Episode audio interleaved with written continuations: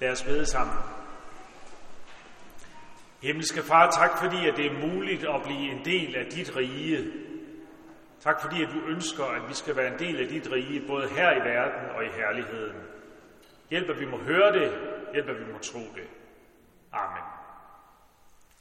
Så lad os rejse os og høre dette hellige evangelium, fra, som skrives hos evangelisten Lukas.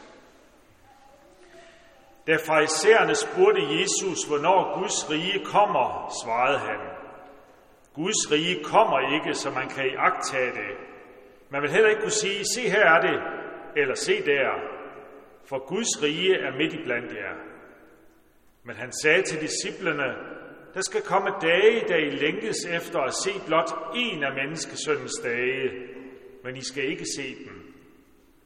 Man vil sige til jer, se der er han, eller se her, men gå ikke derhen og følg ikke efter, for som lynet lyser fra den ene ende af himlen til den anden, når det lyner, sådan skal menneskesønnen vise sig på sin dag.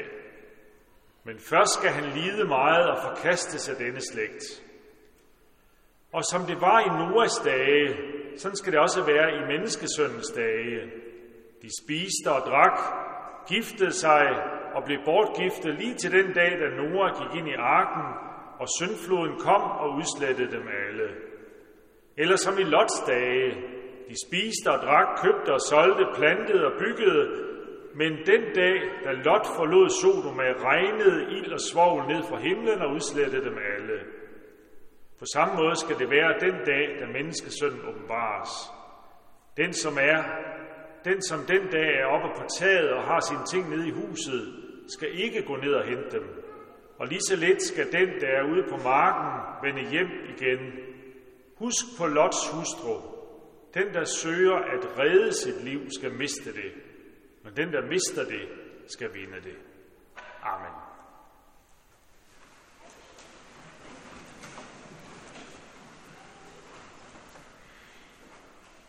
Inden for et halvt års tid, så skal danskerne til to store valg. Et valg, som er til EU-parlamentet, og så et valg til Folketinget lidt før eller lidt efter. Og når de her valgkampe de kommer sådan rigtig i gang, så vil vi opleve alle sammen, at de tegner, de her politikere, de tegner et lille bitte omrids af deres lille bitte paradis. De vil fortælle os alle sammen, hvor godt det bliver hvis for, for alle danskere, hvis bare lige vi vil stemme på deres parti. Alt bliver godt, bare vi stemmer på dem. Det vil vi komme til at høre rigtig meget. Og så vil de samtidig kigge efter tegn. Tegn, som understøtter det, de siger. For eksempel så vil der helt sikkert være nogen, der siger, jamen i landet her, der kører det jo så skævt, fordi vores politik ikke bliver gennemført. Eller nogle andre, som måske sidder lidt ved mere ved roret, de vil kigge efter tegn og sige, det kører jo godt, fordi de beslutninger og vores politik, den bliver allerede gennemført nu. Så det lille paradis, det leder vi alle sammen efter. Vi kigger efter tegn på det. Og jeg tænker, det samme gælder i Guds rige.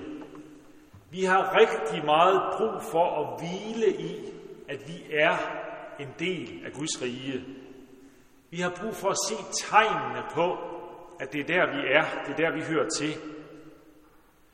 Men vi har også brug for, og det er jo det, Jesus han underviser i i dag, vi har brug for at vide, hvad der venter os. Vi har brug for at vide, hvad det er for nogle tegn, vi skal kigge efter, så at vi har tryghed i det, når det sker. I dag så giver Jesus undervisning i det her. Det gør han til fjender, nogen som er kritiske, og det gør han til venner, disciplene, som han ønsker at klæde på til den fremtid, der venter. Og så gør han det til alle os. Alle os, som lever i Guds rige. Alle os, som lever i ventetiden. Vi venter på, at Guds rige skal folde sig mere synligt ud i herlighed. Og så gør han det for at advare. Advarer os om, hvad der er, der venter af trængsler. Og så advarer os imod en evig fortabelse. En evig fortabelse, hvis vi ikke holder os til ham. Det synes jeg er en uhyggelig tanke. En evig fortabelse. Men det er en sand virkelighed, som Jesus altså ikke holder skjult for os. Vi skal først prøve at se på, hvorfor det er, Jesus begynder at tale om det her. Hvad er egentlig anledningen? Både i Lukas evangeliet, og så det, at vi er i slutningen af kirkeåret. Hvad er anledningen på de to måder? Og så skal vi prøve at kigge på de tre tidsperioder, som Jesus taler om. Han taler om tiden, da han var her. Så taler han om ventetiden, og så taler han om endetiden. Hvad er det, vi skal vide grundlæggende om de tre tider for at have tryghed nok? Og endelig, så skal vi summere op, fordi hvad er egentlig det vigtigste budskab i dag? Det vigtigste er egentlig ikke at kigge efter de her tegn og tider. Det vigtigste, det er vores forhold til Jesus fra Nazareth. Det er hos ham, hos ham alene, at trygheden den ligger. Det er kun ham, der kan redde os hele vejen hjem. Men først lidt om baggrunden. Som bekendt, så skal vi jo fejre advent lige om lidt. Om 14 dage, så hænger adventskransen rundt omkring. Og inden da, så skal vi have rundet det gamle kirkeår af. Det gør vi med dagens tekst, og det gør vi med teksten om en uge, hvor vi har det der med, at den, som kommer til ham, eller den, der, den, der arbejder og trænger til hvile, må komme til ham. Altså fokus på de sidste tider, og fokus på hvilen hos Kristus. Det synes jeg egentlig er en fin måde at runde kirkeåret af på. Vi er på vandring. Vi har været på vandring et helt kirkeår, og på den vandring, der har vi brug for tryghed. Men vi har også brug for at holde målet for øje. Det mål, som er at være i Guds rige og stile efter det fuldkommende Guds rige, som bliver oprettet, når Kristus kommer igen. Altså hvile, vandre og have målet for øje. Som kristne, så slipper vi aldrig ud af den spænding, som øh, kristenlivet leves i. En spænding, som nogen har beskrevet som allerede endnu ikke. Vi er allerede fuldt og helt en del af Guds rige. Det er vi, når vi er døbt og tror på Jesus. Men synligheden, den er der jo ikke endnu. Vi er allerede befriet fra synd og død og ondskab, men Gud har endnu ikke taget synd og død og ondskab væk fra vores liv. Det tror jeg, vi alle sammen har opdaget. Og sammenhængen i Lukas evangeliet, det er, at der er både venner og fjender, som bliver undervist i dag. Fjenderne, farisæerne, de var hele tiden på jagt efter en eller anden ørkesløs teologisk diskussion, hvor de kunne fælde Jesus. Til gengæld, så er de rystende blinde for, at Guds rige, tegnet på Guds rige, står lige foran dem. Det er ufatteligt, de ikke kan se det. Og disciplene, vennerne, ja, de øh, virker jo meget usikre. De virker på en eller anden måde enormt hjælpeløse. Til gengæld, så kigger de de rigtige sted hen for at få hjælp, nemlig hos Jesus Kristus. Nemlig hos deres herre, deres mester. De kan ikke meget i sig selv, men de kan alt, fordi de kigger det rigtige sted hen for at få hjælp. Men lad os prøve at overveje, hvad det er, Jesus han siger om de her tre tidsperioder. Altså hans tid på jorden, ventetiden, og så når han kommer igen. Hvad er det egentlig, vi har brug for at vide om de her perioder, for at have tryghed nok? Ja, først hans tid her på jorden. Grunden til, at han kommer til at tale om det, det er jo et spørgsmål for farisæerne. De spørger, hvornår kommer Guds rige? Det synes jeg faktisk er et godt spørgsmål. Jeg vil være rigtig glad, hvis vi meget mere gik rundt og snakkede med hinanden om, hvornår Guds rige kommer. Tænk så, hvis der var konfirmander eller kirkegængere, som rev mig i ærmet og sagde, præst, hvornår kommer Guds rige? Eller hvis der var læserbrev i avisen, der efterlyste, nu må Guds rige der snart komme. Men hvis man spørger, så skal man spørge ærligt. Og havde fraisererne spurgt ærligt, så har de nok også hørt det ærlige svar. Hvis deres længsel var oprigtig efter at se Guds rige, så tror jeg også, de har fået det at se i Jesus Kristus. Sagen er, at Guds rige står lige foran dem. Og når Jesus han siger det, så synes jeg, der er en masse tryghed i det. Der er ikke noget, jo, det er der, der er noget skjult i det. Der er noget usynligt over Guds rige. Men det gør det jo ikke mindre reelt. Det er stadigvæk virkeligt. Selvom Guds rige nogle gange er lidt vel stille, i hvert fald til min smag, så er det stadigvæk virkeligt. Jesus han siger, det er midt i blandt jer. Hvad betyder det? Hvad betyder det egentlig, at Guds rige er midt i blandt os? Det kan forstås på flere forskellige måder. Det kan oversættes og forstås på den måde, at Guds rige er inde i jer. Og det kan måske godt give mening at sige det. Men næsten alle andre steder i det nye testamente, der er Guds rige noget, man bevæger sig hen til. Guds rige er ikke noget, som er inde i os. Det er noget, som vi ligesom bliver en del af. Det, er ikke, det bliver ikke noget, vi indeslutter på den måde. Så jeg synes ikke, det er sådan at den mest heldige oversættelse at sige, at Guds rige er inde i jer. Det kan også betyde, at Guds rige er i jeres midte. Det synes jeg giver straks giver mere mening. Guds rige er inden for jeres rækkevidde. Vi kan række ud og nå det. Det er tilgængeligt, Guds rige.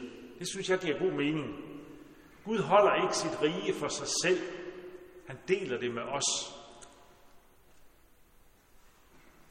Den tredje tolkning, som ligger lidt i forlængelse af det her, at Guds rige er tilgængeligt, det er, at når Jesus siger, at Guds rige er midt i blandt jer, så taler han om sig selv. Jesus er Guds rige, som er blevet tilgængelig. Han kan høres, han kan ses. Det, som han gør og siger, er på jorden. Han er Guds rige midt i blandt jer. Guds rige har fået kød og blod. Det er ikke luftig snak. Det er kød og blod. Tillad mig at komme med en måske dårlig sammenligning. Der kører for tiden en øh, svindelsag i Socialstyrelsen, som I nok har hørt og læst om. Her er der en kvinde, der er blevet anklaget for at have stjålet mindst 111 millioner. Da jeg første gang hørte om den her sag, så tænkte jeg, det må være et eller andet grådigt monster, som har gjort det her. Tænk så at tage så mange penge. Penge, som skulle have været brugt til noget godt.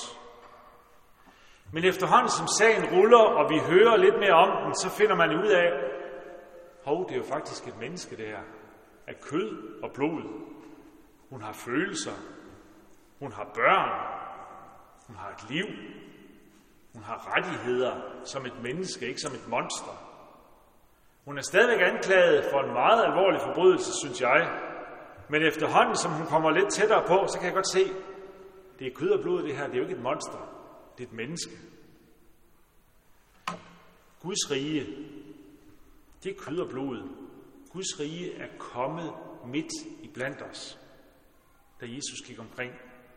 Guds rige er ikke luftigt. Det er Jesus fra Nazareth, som kom og var midt i blandt os. Det er virkelighed.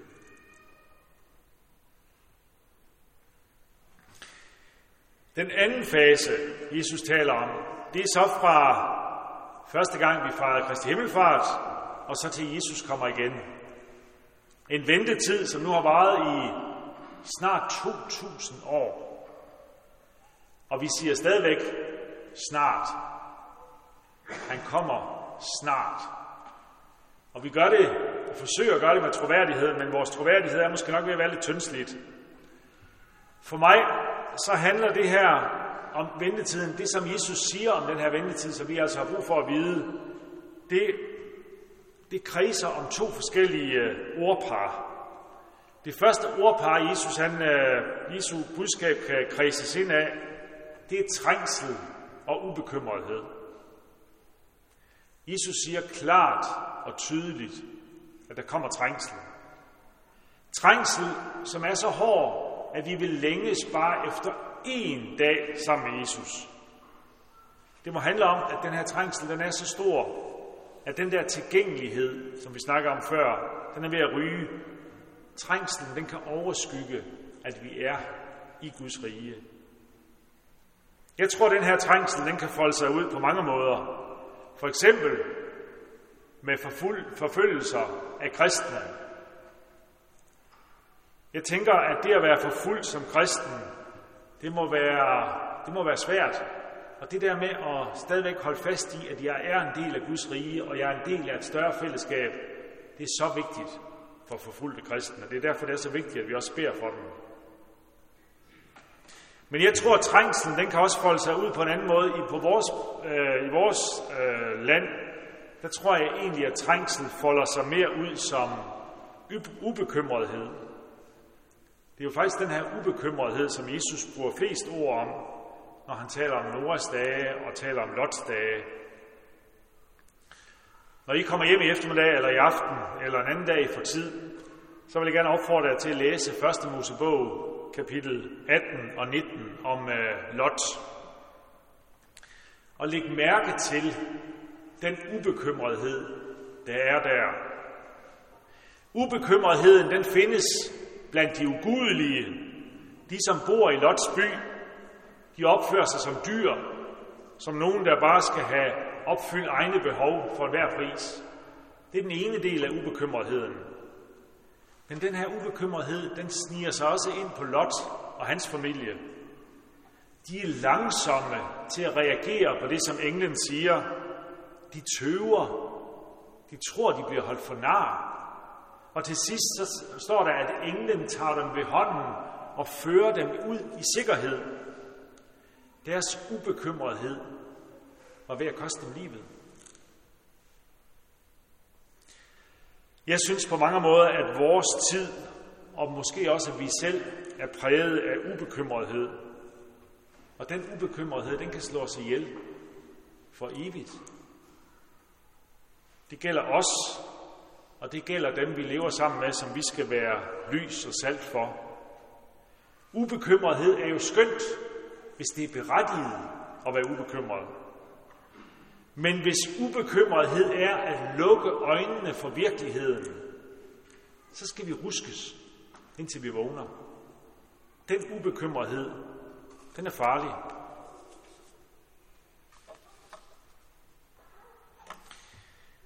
Det andet ordpar, som Jesus han bruger om det her med ventetiden, det handler om klarhed og herlighed. En dag så skal herligheden afløse trængslen. Vi har noget godt i vente. Det liv, vi lever i Guds rige, i Guds rige det er rigtigt. Og en dag så skal det blive åbenbaret for enhver, at sådan er det. Og det skal gøres i herlighed. Og så bruger Jesus ordet klarhed. Han bruger billedet af lynet. Og det handler ikke om, at det skal gå hurtigt. Det handler om, at det skal være synligt for enhver. Til den tid, så bliver det ikke gætværk, synsninger. Nej, det kommer til at stå lysende klart som lynet på den mørke himmel, at Jesus er herre, når han kommer igen. Det synes jeg er trygt. Vi behøver ikke at rende efter mere eller mindre fantasifulde fantaster. Det bliver klart og tydeligt, når Jesus kommer igen. Nogle gange så kan man øh, forvilde sig hen på DRK på fjernsynet. Og der sender de nogle gange øh, nogle øh, udsendelser, dokumentarer og sådan noget om øh, sekter, religiøse sekter. Og det er faktisk meget interessant, men det er også enormt rystende hvor, øh, hvor nemme vi mennesker egentlig er at forføre.